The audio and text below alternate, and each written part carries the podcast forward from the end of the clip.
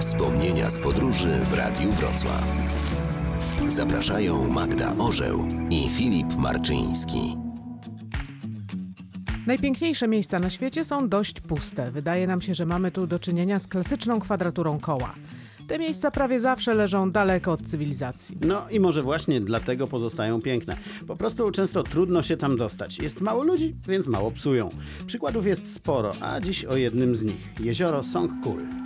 Z Wrocławia na przykład trzeba zrobić tak. Polecieć do Warszawy, potem do Stambułu albo do Moskwy, potem do Biszkeku, stolicy Kirgistanu. Potem wypożyczyć samochód, najlepiej terenówkę i jechać kilka godzin słabymi drogami. Po drodze trzeba pokonać przełęcze górskie, wspiąć się na 3,5 tysiąca metrów, przebić się przez stada owiec, przejechać przez błotniste przeszkody. No ogólnie trzeba się trochę postarać. Ale jak już się dotrze, trudno to opisać. Spokojna, płaska jak stół granatowa tafla jeziora leży na wysokości 3000 metrów. Wokół soczysta, zielona trawa, kilkaset metrów od wody teren zaczyna się wspinać. Najpierw porośnięte trawami zielone pagóry, w tle ośnieżone skaliste szczyty i cisza. Absolutna. Żadnych ludzi. Kilka obozów z jurtami, stada owiec, koni, jakieś kozy. Nasz obóz wybraliśmy na miejscu, nic nie rezerwowaliśmy. Rezolutna dziesięciolatka oprowadzała nas i mówiła co i jak, jakie ceny i tak dalej. Była tam jedyną osobą mówiącą po rosyjsku.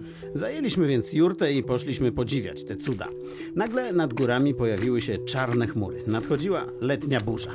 Owce zaczęły się trochę niepokoić i najpierw powoli zmierzać do zagrody. Psy też uciekły do jurty. Zaczął padać śnieg, zrobiło się ciemno. Stada owiec już w niezłej panice tłoczyły się przy wejściu do zagród, które przed niczym ich nie chroniły. Był tam tylko lichy płotek. No ale to, co w głowie jest ważne, w środku czuły się bezpieczne.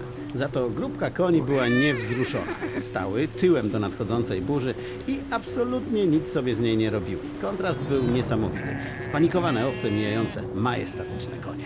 Przez całą zawieruchę, trwała może kwadrans, żaden z nich nie podniósł nawet głowy. Skubały sobie trawę z ośnieżonymi grzbietami.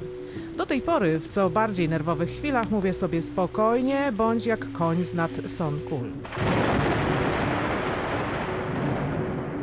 Burza przeszła, wyszło słońce, owce panikary wróciły na pastwiska, z jurt wybiegły psy, a my poszliśmy szukać naszej małej gospodyni. Pora coś zjeść. A o tym, co się je w jurt kampie i jakiego błędu nie popełnić śpiąc w jurcie za tydzień. Kapakçılık